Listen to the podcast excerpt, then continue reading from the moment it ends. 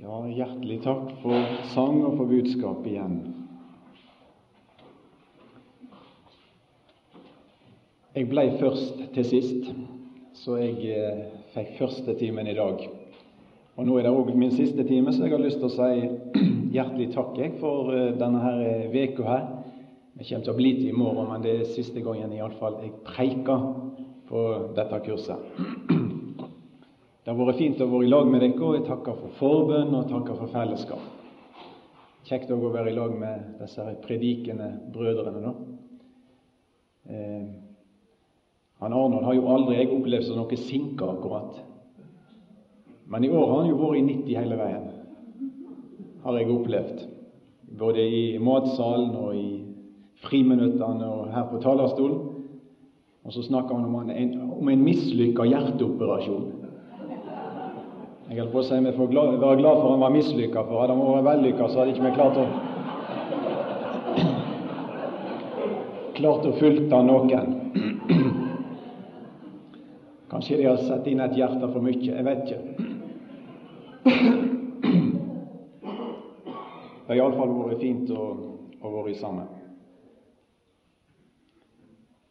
Jeg har et problem når jeg kommer hjem igjen, og det skal omskulere han minstemann igjen. For nå snakker han 30% sunnmøring og 30% rogalending, og så litt Osterøy. Sånn har det gått. Nå skal vi gå over til det vi skal. Og da skal vi be litt. Grann.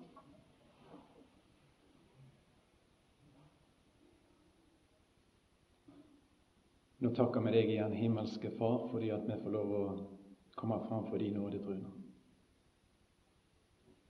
Og så er du rik nok òg i dag for alle som kaller på deg. Og så har jeg lyst til å be om nåde igjen til å tjene. Og vi ber om at det vi deler sammen i dag, kunne bli til hjelp, til nytte, til framgang for ditt rike både i oss og rundt oss. Amen.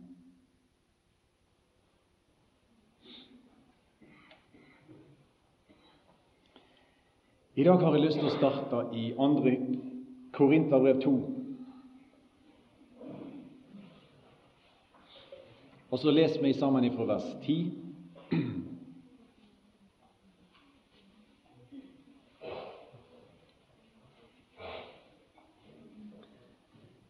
2. Korinterbrev 2 fra vers 10. Og han som det tilgjev noe, han tilgjev jeg òg.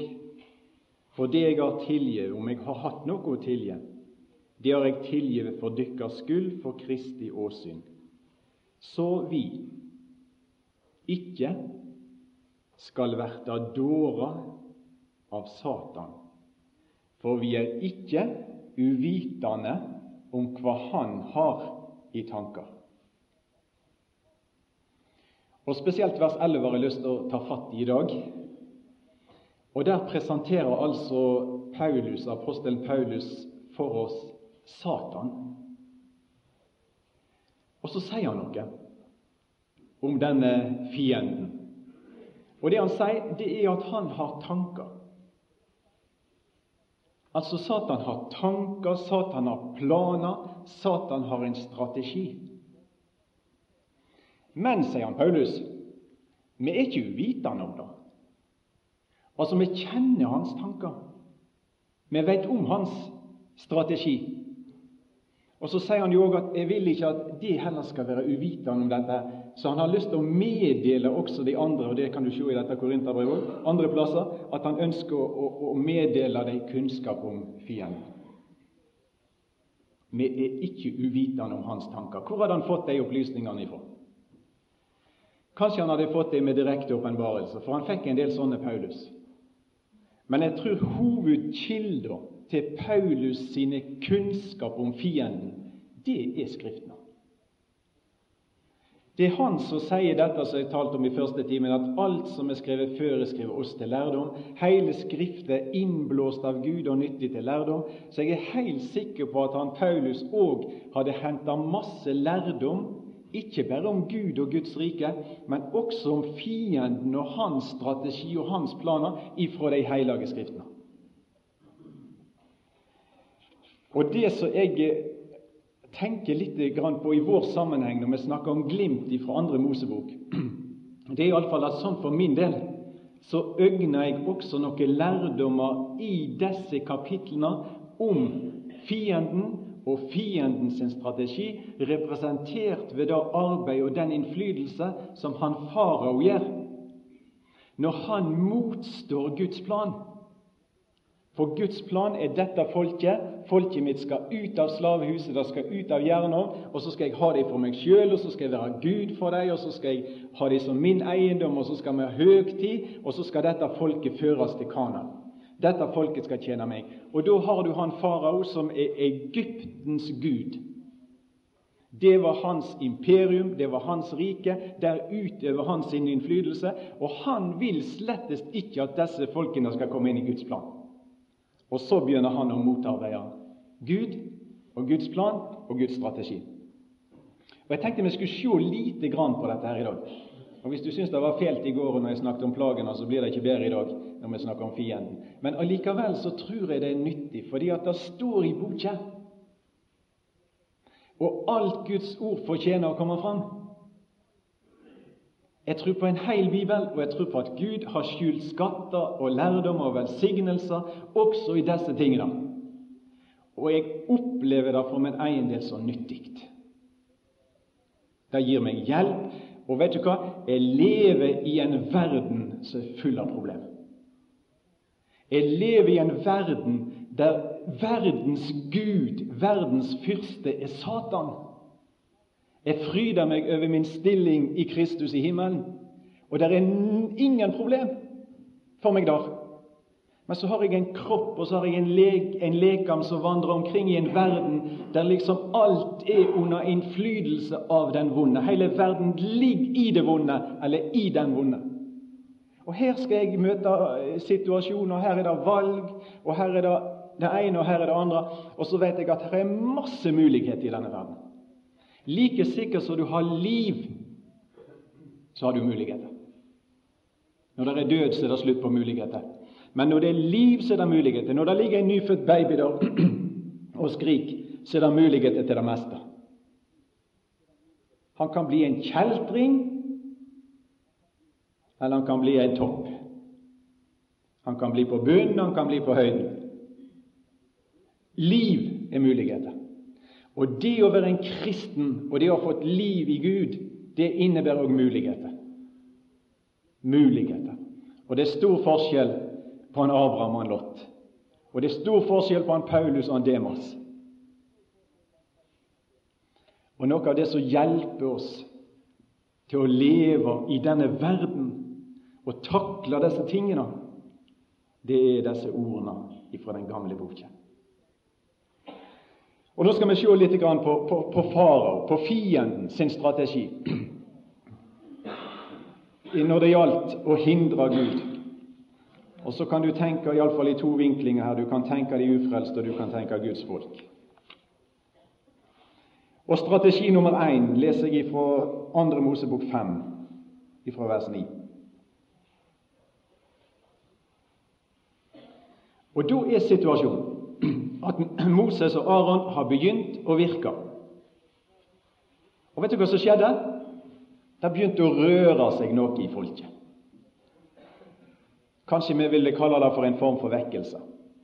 For i slutten på kapittel 4 så står det i vers 31 og folket trodde da de hørte hvordan Herren hadde sett Israels barna og gitt akt på den naua de var i, og de bøygde seg og tilba. Og så tennes det et håp, fordi at det er noen som representerer Gud, og så taler de noe fra Gud til dette folket i slaveriet, og så begynner det å vekkes noe i dem, og så begynner de å tru, og så begynner de å tilbe Gud, for de øgner en annen tilværelse. Men han farao han likte ikke det. Han likte slettest ikke vekkelsen. Og så hva han, hva han gjør, vers 9. Ja, vi kan godt ta med vers 8. Men det skal bya det å lage like mange mursteiner som de har laga før. Det skal ikke slå av noe i arbeidet deres, for de er late. Difor skrik de, la oss få gå fra til vår Gud. Og så sier han, legg tungt arbeid på mennene, så de har nok med det og ikke hører på løgn. Hva er det han sier?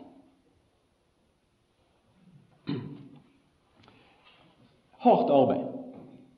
Det er mottiltak nummer én for disse som nå er vært inn under innflytelse av Moses og Aron sine budskap.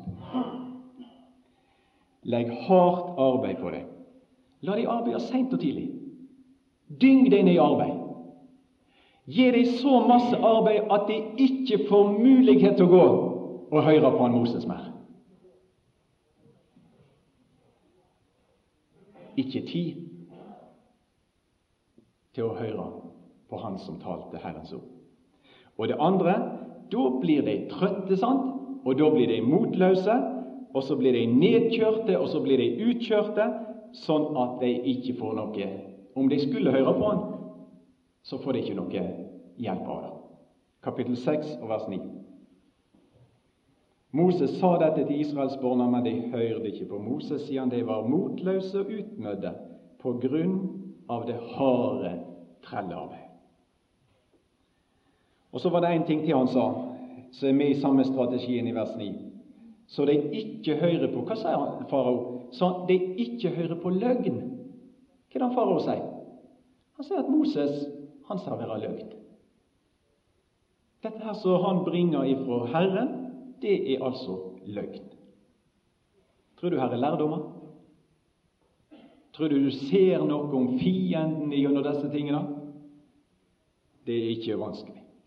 Vi som lever i springalderen, vi som blir altså ifra med små, eller bodna ifra de små i dag, så blir de sett på startstreken til et race der det heter spring og spring og spring hele veien. Og jeg, jeg tror det mest alminnelige vitnesbyrdet i Norge i dag er at jeg har ikke tid. Det er travelhet overalt. Og nå skal Jeg fortelle, jeg trenger ikke reise langt engang, men eh, da som jeg har stått i arbeid noen år nå, så har jeg snakket med en kar i ei bygd, og så har vi snakket om å, å ha barnearbeid. Samle båndene. Og det er snakk om én dag i veka, én time eller to. Og så har vi sett på mandag, og så har vi sett på tirsdag, og onsdag, og torsdag, og fredag, og lørdag og søndag. Og det er ikke én dag det går an. For båndene, og nå snakker jeg om åtte, ni, tiåringer, de er engasjert hver bidige dag hele veien. Og det altså ikke, var ikke mulig på den plassen der å samle dem en eneste dag til det som har med denne gamle boka å gjøre. Og det er jo ikke bare bånd, er det det? Men folk springer og de springer og de springer, og de har altså ikke tid til det som de burde sette som nummer én. Altså Problemet vårt er, ikke er, at vi ikke får folk inn under hørelsen, fordi at en som dynger det ned med hardt arbeid, det er med det tomhetsracet. Jaget etter ting. Det tar all tida deres. Og de springer og de springer og de springer, og til slutt springer de seg i hjel, og så er de i evigheten. Men hvor kommer de fra? Ja, Hele samfunnet legger opp til at sånn skal det være. Men det som jeg tror vi, vi, vi trenger være bevisst på her, det er jo det at dette er ikke ideelt. Er det da? Ja, Sånn Gud vil vi skal det. Og hva blir det av det? Hva blir det av det? Hva ble det av det harde arbeidet i Egypt? Jo, det ble noen opplagsbyer. De sto og trakka i noen og så lagde de noen teglstein, og så bygde de noen bygninger. Men hvor lenge varte det? Det ble ingenting for evigheten. Og så ville Gud ha det ut av dette, og så ville han ha det inn i et annet arbeid, og så ville han ha det inn i en annen tjeneste, og så ville han ha det inn i et annet fellesskap. Og så førte han det ut. Jeg tror det hadde vært Ja, jeg kjenner det brenner, men jeg tror det hadde vært godt om vi hadde kunne hjelpe hverandre litt i dag til å sette på håndbremsen. Vet du hva? Det tar tid å leve med Gud. Og det tar mye tid å leve godt med Gud. Og hva blir det av jaget vårt? Hva blir det av det? Hva har vi igjen? Jo, vi har igjen alt dette som vi mister.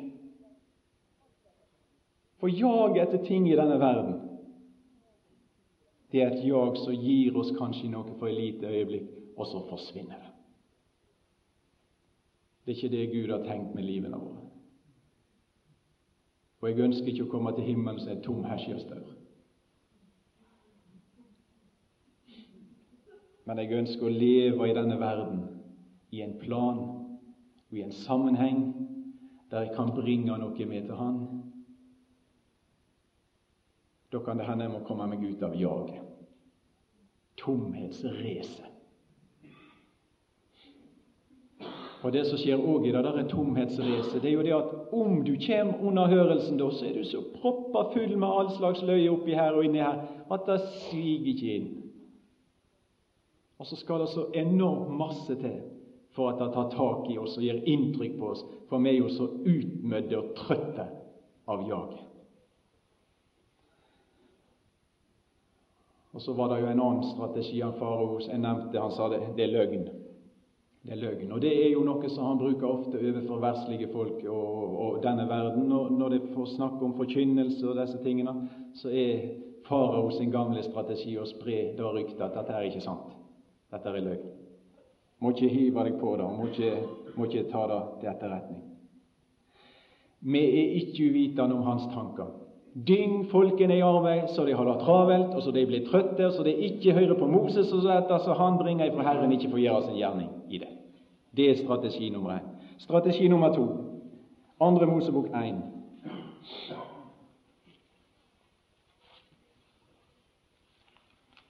Ifra vers 8.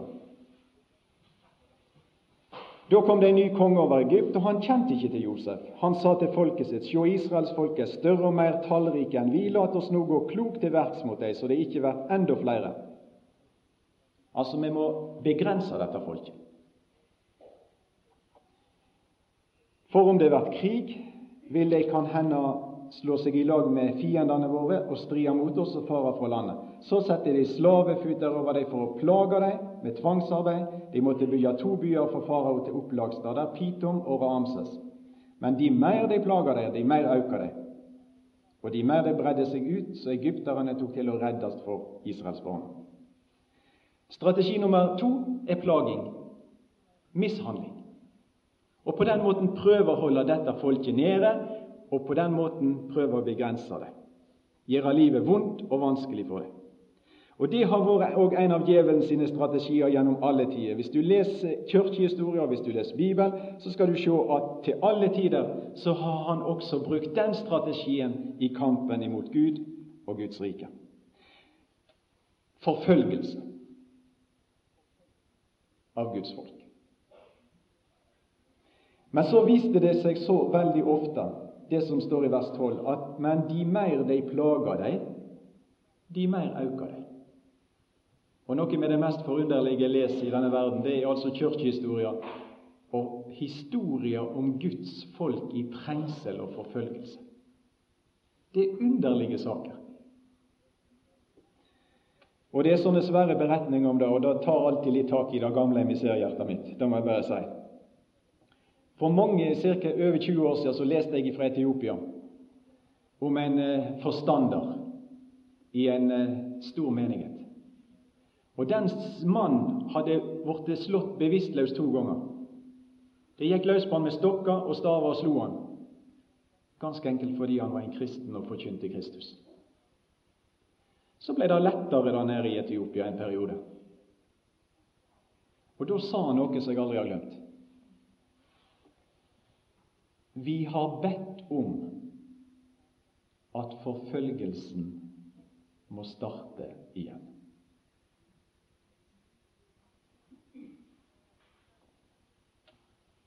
Vi har bedt om at forfølgelsen må starte igjen. Når de gode tidene kom, så skjedde det en del ting som han ikke likte. Og det som skjedde når forfølgelsen var, det var at det stadig, stadig, stadig kom nye. Når de så hva disse kristne gikk igjennom, og så for en styrke de hadde, og så for en kraft som holdt de oppe igjennom lidelse og trengsel og forfølgelse, da sa de dette må være Gud. Den Gud vil jeg òg tilhøre. Det har vært veldig sterkt for meg å lese fra fengselet i Kina. og De skulle slukke de kristne, og så isolerte de de en her og en her i, i disse svære fengslene, og så brøt det ut vekkelse der det var kristne. Så til dels hele fengsel blei frelst. Lidelse. Og budskapet fra noen av disse fra Kina det var jo at lidelse og vekkelse hører sammen veldig ofte. Trengsel og vekkelse hører ofte sammen. Vet du hva vekkelse jeg kunne tenkt meg? Jeg kunne tenkt meg en sånn tribunevekkelse.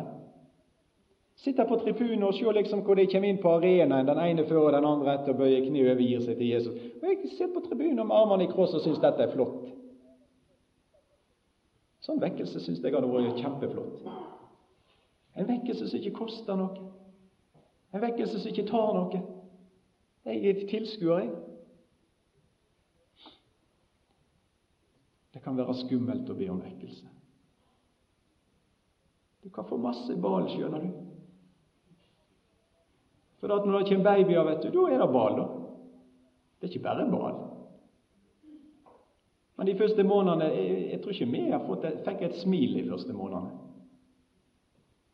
Men du skifta bleie, og du vaska, og du ga mat, og du snudde, og du kledde, og alt dette der. Men det var kommet en baby. Vekkelse.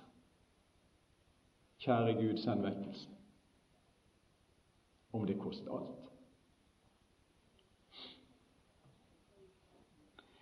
Den tredje strategien, 2. Timoteus 3,8 tredje strategien i kampen imot Gud i andre Mosebok. Andre Tim 3,8. Liksom Jannes og Jambres sto Moses imot, såleis står disse sanninga imot. Hugen deres forderva, og de heldt ikke mål i trua. Og Så blir to personer presentert. Den ene heter Jannes, og den andre heter Jambres. Og Det var altså navnet på to av disse trollmennene til farao. Og de opptrer i Andre Mosebok. Og det er nesten skummelt å lese om dem, ikke det? Hva de makter å utføre, det er over normalen. Det er svære krefter som disse trollmennene disponerer. Og de kunne gjøre under og tegn. De òg kunne få vann til å bli til blod. De òg kunne få frosk til å komme opp av elva. De òg kunne få stavene sine til å bli slanger. Her er, her er krefter i sving. Men hva er det de gjør? De etterligner Moses. Altså De gjør de samme tingene som han Moses gjør, og da til et visst punkt da de ikke klarte det lenger. Og det var når de skulle få liv av støv. Det klarte de ikke. De klarte ikke å lage liv, men de klarte litt annet. Men måten de etterligner Moses på, hva fører det til? Sånn som jeg ser det, så fører det i hvert fall til at de på en måte svekker Moses sin autoritet. Ved å gjøre de samme tingene sånn, ja, da, da er jo det like god, da. Da er det jo på en måte ikke noe spesielt med Moses, hvis det kan gjøre de samme tingene som Moses kan så stiller de seg sjøl fram som autoriteter på lik linje med Moses. Og så står folket der og skal vurdere disse. Ja, ja, de der trollmennene de disponerer visst òg noen enorme krefter. Kanskje vi skal tro på dem? De hadde mye å si. Og her er det òg mye å si. Både med tanke på Bibel og med tanke på kirkehistoria igjen. For det viser seg til alle tider at det har vært enorme krefter i sving for å forvirre og for å forføre folk vekk ifra de autoriteter som Gud gir, og fra det ord som Herren taler. Og Satan har til alle tider prøvd å etterligne Gud og skape forvirring. Og Nå skulle vi igjen hatt, hatt veldig god tid, for her har Bibelen masse å si. Men jeg skal bare lese et par bibelord. Andre Tessalonika-brev 2. Og Når jeg sier litt om dette her i dag, så er det fordi at det er også aktuelt. Det er fryktelig aktuelt med tanke på ei framtid i denne verden.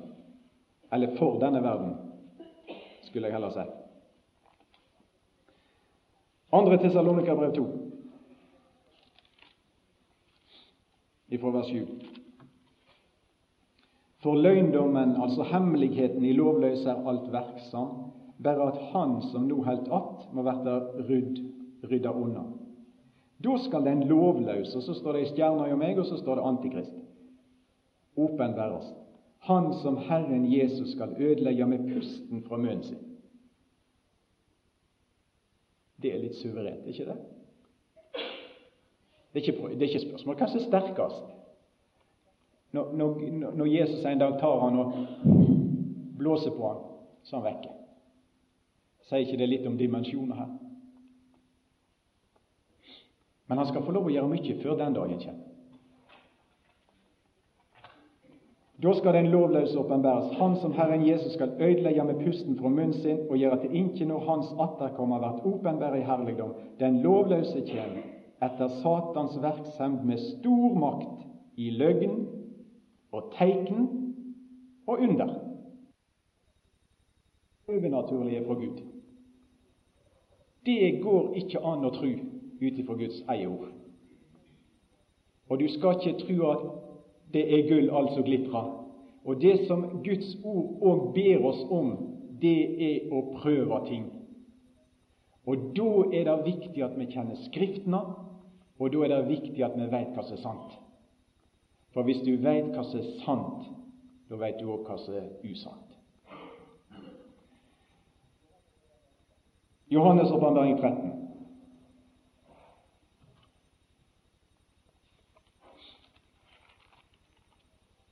Johannes åpenbaring 13 ifra vers 11. Og jeg så et annet dyr stige opp av jorda. Det hadde to horn, like som et lam. Hvem tenker du på når du hører om lammet? Du tenker på Jesus. Er ikke det? Og her er faktisk likhetstrekk. Altså Her er en parallell. Her er noe som minner om Jesus i karakteren eller i skikkelsen av denne personen. Like som et lam, men taler som en drake. Og dette er en presentasjon av den falske profeten som en dag skal stige fram. Og det bruker all makta til det første dyret, Antikrist, får øye på det. Og det gjør at jorda og de som bor på jorda, henne tilber det første dyret, det som fikk ulivsåret sitt lek. Og det gjør store tegn. Det får jamvel eld til å falle ned fra himmelen på jorda, får øye på mennesket. Kan du fatte og begripe? For et under! Og det var jo på Karmel så var jo det beviset på at Gud er Gud. Når elden falt ifra himmelen og forterte alt dette oppå på alteret og, og vann og alt sammen. Gud er Gud. Og så skal det etterlignes til og med det under en dag. Men her er det ikke Gud, men her er det fienden. Og her er det fienden sin allianse som er i sving og får dette underet til å skje, og jorda blir forført. Men det som jeg sier i dag, bare merk deg strategien etterligning. Kanskje vi skal ta Matteus 7 òg.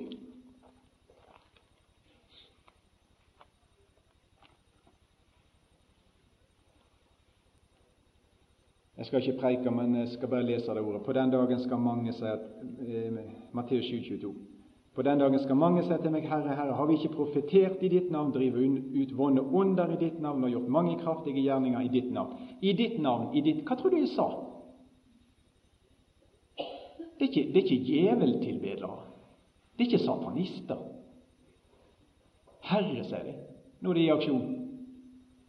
De bruker Herren sitt navn, og de gjør masse ting som liksom hvis, hvis, du ikke har kjennskap og hvis du ikke har forståelse, så plasserer du det i klasse A. Eliten. Mange kraftige gjerninger i ditt navn. Men da skal jeg oppe seg til deg jeg aldri kjent deg. Aldri kjent deg. Aldri hatt liv.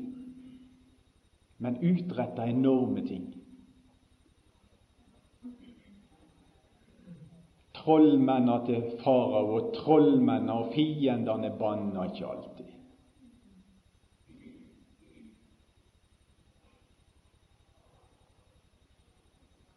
Lysets engel.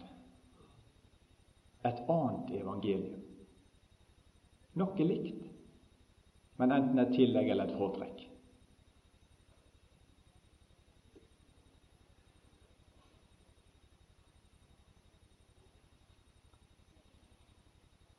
Fjerde strategi.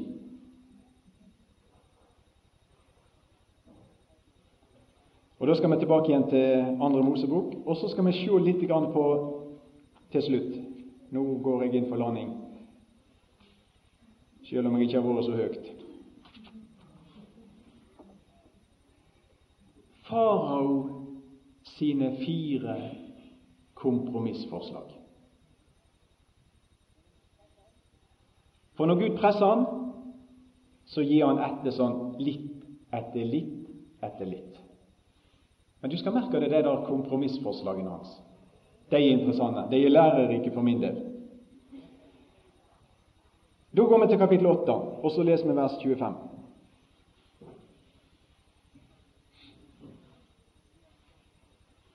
Og da er han rysta. Farao er rysta.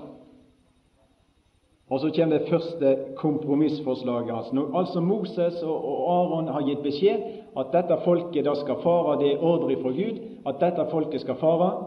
De skal ut i ørken, og de skal holde høgtid for Herren. Da kaller farao Moses og Aron til seg og sa:" Gå og ber fram offeret til dykkar Gud her i landet. Gud sa ut. Ok, nå skal dere få lov å ofre, sier han farao, men det får holde dere her i landet. Egypt er for meg et bilde på verden. Og en av Satans sine strategier har til alle tider vært å blande Guds folk og verden mest mulig. Mest mulig verslig påvirkning og mest mulig prega av denne verden. Altså Hvis det er her i landet, tenk farao, så har jeg innflytelse over det. Altså Da er det i mitt imperium. Da kan jeg utøve min innflytelse av det, og da kan jeg ha kontroll over det på en måte. Så kan jeg nå få tilbe Gud litt, men jeg har det egentlig i min hule hånd. Så kan jeg nå få litt Gud, og så litt meg. Sånn? Ja, Går vi fri? Noen her i denne sal som ikke registrerer at denne verden har ei ånd som ønsker å påvirke deg? Jeg syns slettest ikke det er lett å, å, å, Eller det er fryktelig lett å bli verslig. Du trenger ikke reise på kurs en dag for å bli verslig. Det er hele veien bombardement av tanker og sinn og hjerter der denne verdens Gud ønsker å utøve sin innflytelse over oss. Og våre liv og våre forsamlinger og vårt arbeid. Verslige metoder, verslig strategi, verslig påvirkning, verslig sang og musikk, verslig alt. Hør på larmen i dag innenfor kristen sang og musikk. Den der larmen og det bråket kan aldri komme ifra Gud. Det kommer ikke fra Den hellige ånd, for Den hellige ånd er hellig. Vær her i landet. Ok, tilbe her i landet. Det er kompromissforslag nummer én. Hva sier han Moses til det? Hadde han noe svar? Vers 27. Vi vil dra tre dagsreiser ut i øydemarka og ofre til Herren vår Gud, slik Han har sagt oss. Ingen kompromiss. Han går ikke i forhandlinger engang. Han tar ikke diskusjon med farao engang. Han bare siterer hva Gud har sagt, og så sier han vi er kompromissløse, vi vil gjøre det Gud har bedt oss. Andre kompromiss, 8.28. Da sa farao, jeg vil la dykk fara, så det kan ofre til Herren dykkar Gud i øydemarka, men det må ikke dra langt bort. Be for meg. Så han presser litt mer, og så er han villig her til å forlenge lekka lite grann, men han vil fremdeles ha kontroll. Han vil fremdeles ha mulighet til å innhente deg. Det må ikke bryte fullstendig, sant? La det bli litt ut, men sånn at det er kort vei tilbake. Det er ikke nødvendig å bryte alle bruer. sant? Det er ikke nødvendig å kutte alle tau. Kort vei tilbake. Det står om en som heter Demas.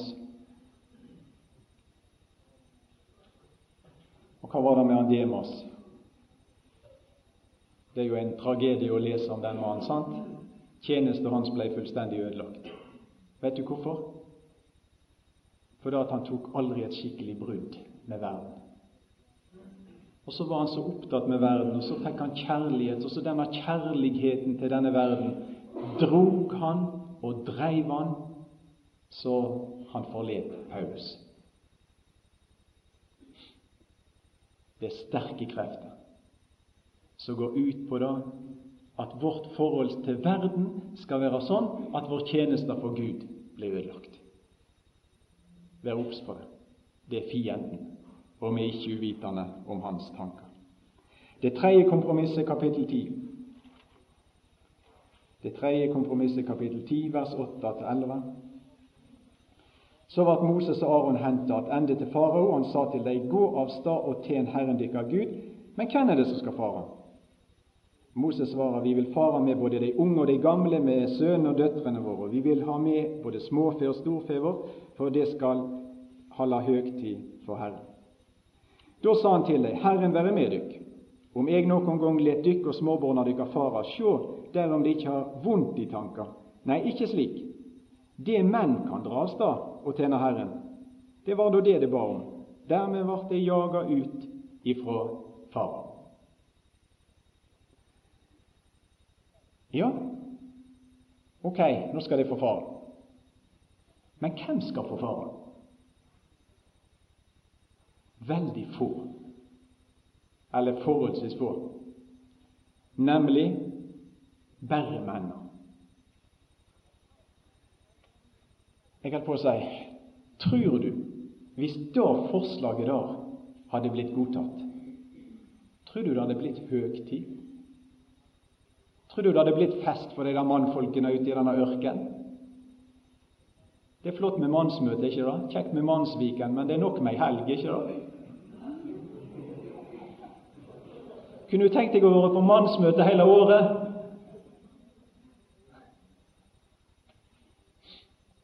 Hva tror du de hadde tenkt på, de mannfolkene? Bodne var igjen hjemme, kona var igjen hjemme. Tror du det hadde vært lenge før de sjøl hadde vært tilbake igjen i Egypt? Hvis du ser en del av disse flyktningene som kommer til Norge, så, så, så vil de hjem igjen til slekta si, veldig mange av dem. Selv om de lever fremdeles under vanskelige forhold i hjemlandet. Så farao sitt forslag altså Nå holder, nå holder jeg bodna og, og, og kona her, og så reiser det mannfolk ut. Det er altså kompromissforslaget der da vil det føre til én ting. Det vil det føre til splittelse. Det vil det bli familiesplittelse. Og det vil det få enormt negative konsekvenser. Nå er det mange sider òg ved dette her, og her kunne vi igjen preikt. Han Johan han hadde jo en sånn Jeg har aldri sett det før. altså Når han fikk dårlig tid, så bare tok han klokka og hivde henne ned på gulvet her til han Leif. Det er en av de tingene jeg har lært på dette bibelkurset. Men han Leif han var som vanlig ikke våken, så han, han gikk opp igjen med henne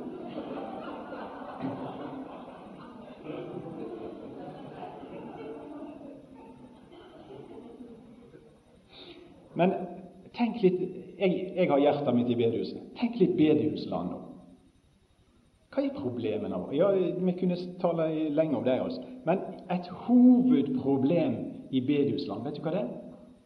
det er generasjonsproblem. Altså, vi har lagd oss en flor,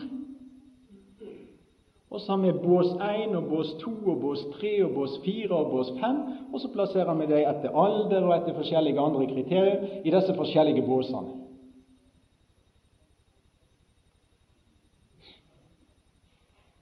Og så er det sånn slit for oss å få de unge inn i vennesamfunnet og bodne og alt dette. Og Nå skulle vi kunne sagt masse om det, men da så jeg bare spør hvor kommer alt dette her ifra? Hvor kommer problemet? Og er vi klar over at det er en strategi bak dette? For det ser jeg. Altså er det en fiende bak. Jeg sier ikke at ikke bondene av og til skal få være alene, og, de unge osv., men dette er savna, og jeg vet mange gamle jeg sier gamle, jeg, først står i Bibelen. Mange gamle savner fellesskap med ungdommer. Og så møter jeg ungdommer som savner fellesskap med de eldre. Og så likevel er det så uhyre vanskelig, dette her å få familien i stedet for floren. Det, bør, det, det, det er iallfall åpenbart for meg at her er kreft i sving, her er en fiende i sving. Og så bør vi kanskje snakke med hverandre om at vi bør avsløre Han og tankene hans, og så bør vi la oss lede av Han som vet best.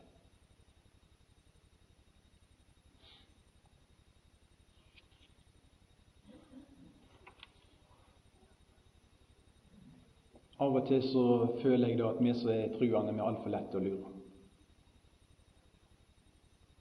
Vi er altfor lite bevisst på at vi står i en kamp. Vi har ikke strid imot kjøtt og blod, men imot og så åpner han for oss den åndelige verden, og så sier han der er fiendene deres. Og nå må dere ikke oppføre dere som det ligger på ei solstrand, altså av ferie hele livet, fordi at det står på en stridsmark. Og det er forskjell på han som ligger på solstranda og, soler seg, og han som står i fronten med geværet.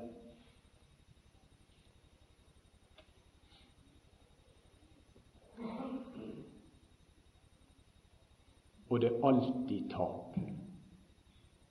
Det er alltid tap å komme utom Guds plan. Kompromiss nummer fire 10.24. Andre Mosebok 10.24.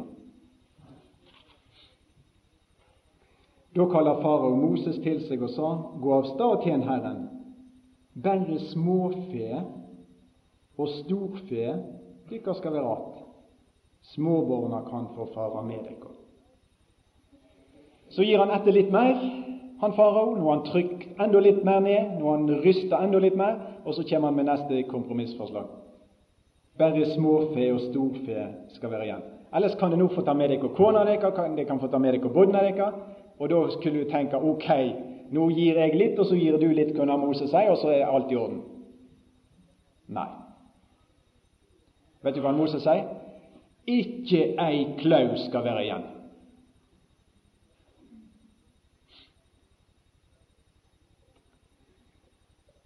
Hvorfor var dette så viktig med dyrene? da? Nå skulle vi hatt bonden opp her og preikt. Hvorfor var det så viktig med dyrene?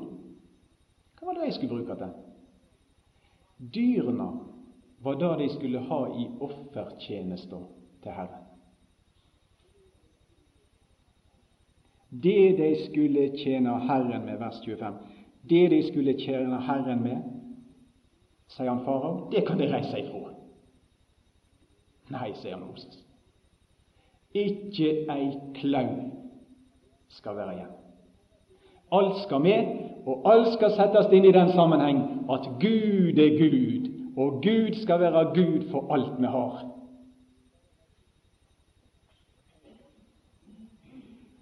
Han Paulus han spør en plass et godt spørsmål.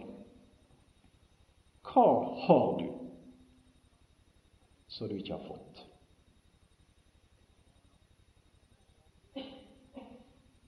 Hva har du som du ikke har fått?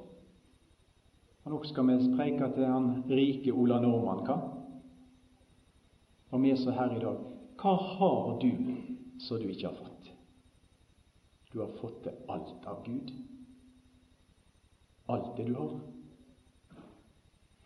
Spørsmålet er hva sammenheng bruker vi dem? Hvor setter vi dem inn? Lar vi det være igjen i Egypt? Lar vi han farao forvalte det i dette der imperiet sitt? Eller har vi den holdningen som Moses hadde, at alt jeg er og alt vi har, det skal nå inn i en ny sammenheng, det skal inn i en ny tjeneste, det skal inn for Herren alt i sammen. Ikke ei klau skal være igjen.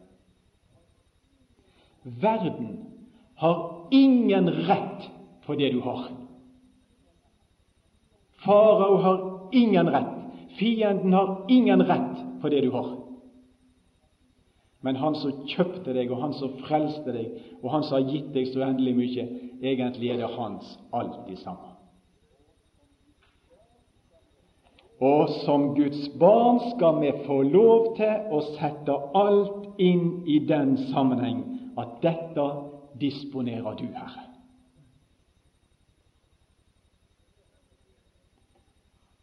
Det er problemer alle veier i all misjon i dag. Du er klar over det, for da hører du ofte det er krise, det er pengemangel her og pengemangel der. Vet. Ja, ja.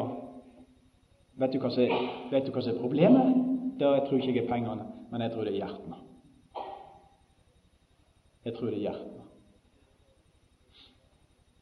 Og jeg tror det er da at vi må tilbake igjen til utgangspunktet. Vi må tilbake igjen til Golgata, så må vi stå der og så må vi se så lenge at dette her i hjertet sier det skal ikke være ei klau tilbake igjen.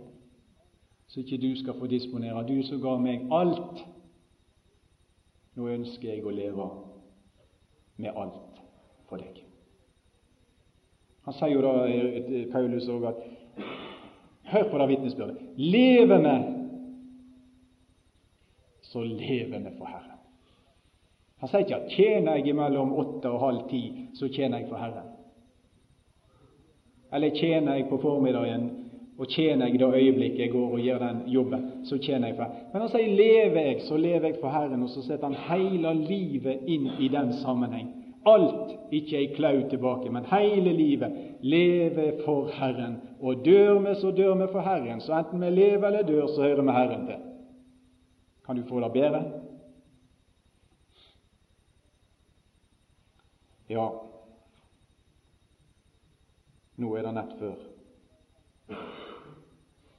Men la meg bare si at, uh, til slutt at det som Gud ville, det var et totalt brudd med Egypt.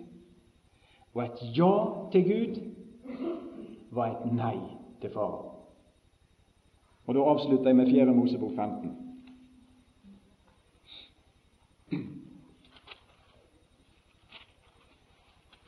Jeg leste litt ifra den boka en dag før.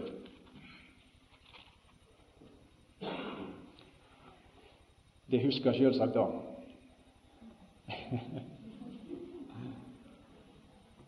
Jeg har vært på eldreleir av og til med en eh, gild bror borti fra Åsane. Eh, jeg har jo reist på eldreleirer ute på Raknestuen i sikkert 25 år. Så det tror jeg vel jeg er søskenbarnet til Metusalem omtrent. Det er voldsomt kjekke leirer.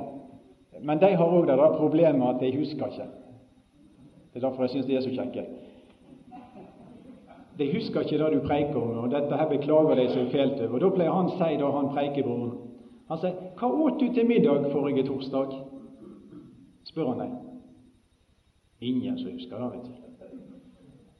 'Ja, hva åt du til middag forrige onsdag?' da, sier han. Ingen som husker det.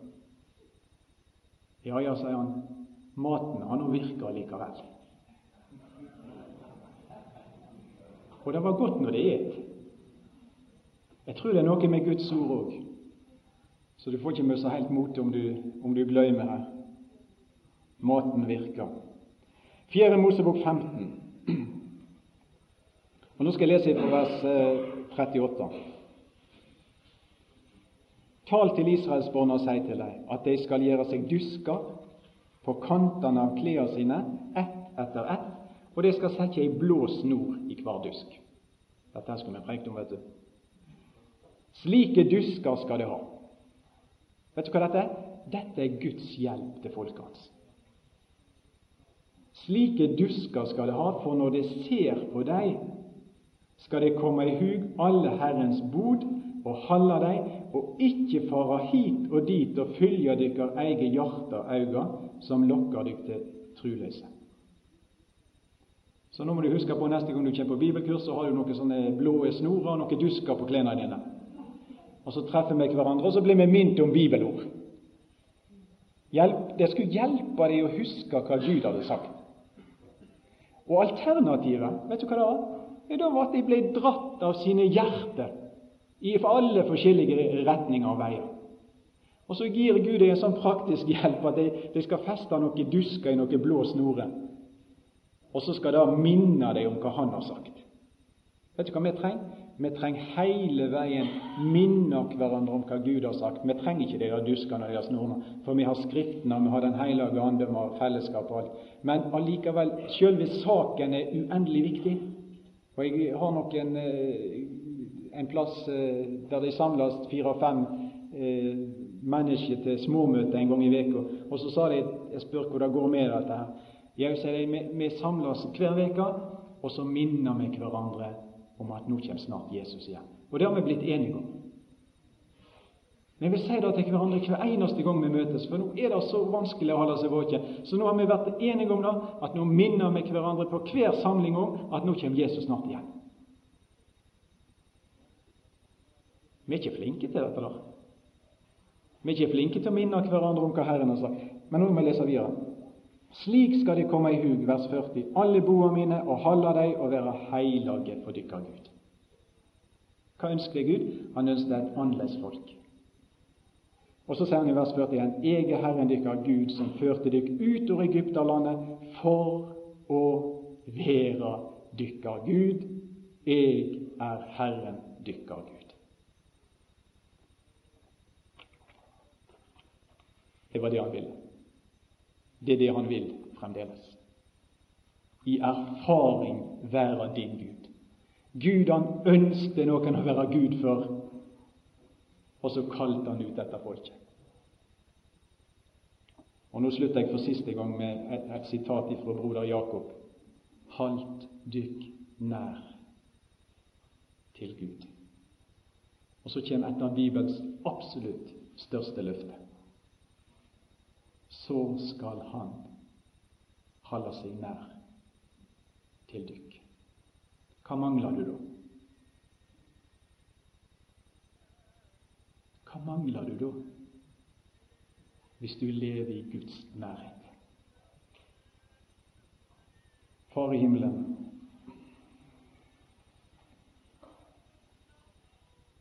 hvis du kunne bruke noe av dette, så er jeg takknemlig. Og så ber jeg om at du hjelper oss at vi lever der du vil. Og vi takker og priser deg for din uendelige tålmodighet med oss. Jeg takker og priser deg for din godhet, og fordi at du ikke blir trøtt og lei når du baler med oss. Sjøl så lenge så mange av oss har levd med deg, så oppfører vi oss ofte som babyer. Men takk fordi at vi får ligge på dine skuldre og på ditt hjerte. Og takk fordi at du har så høye mål med den enkelte av oss. Og så ser vi framover med glede og med forventning.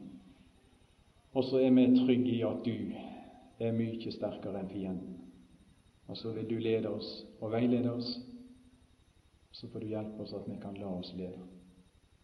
Og du hjelper oss at vi ikke får så mye verslighet i ørene våre at vi ikke hører din røst. Herre Jesus, fyll oss med din hellige ande. Fyll oss med glede og håp. I Jesu navn. Amen. Ja, jeg tror bare vi tar en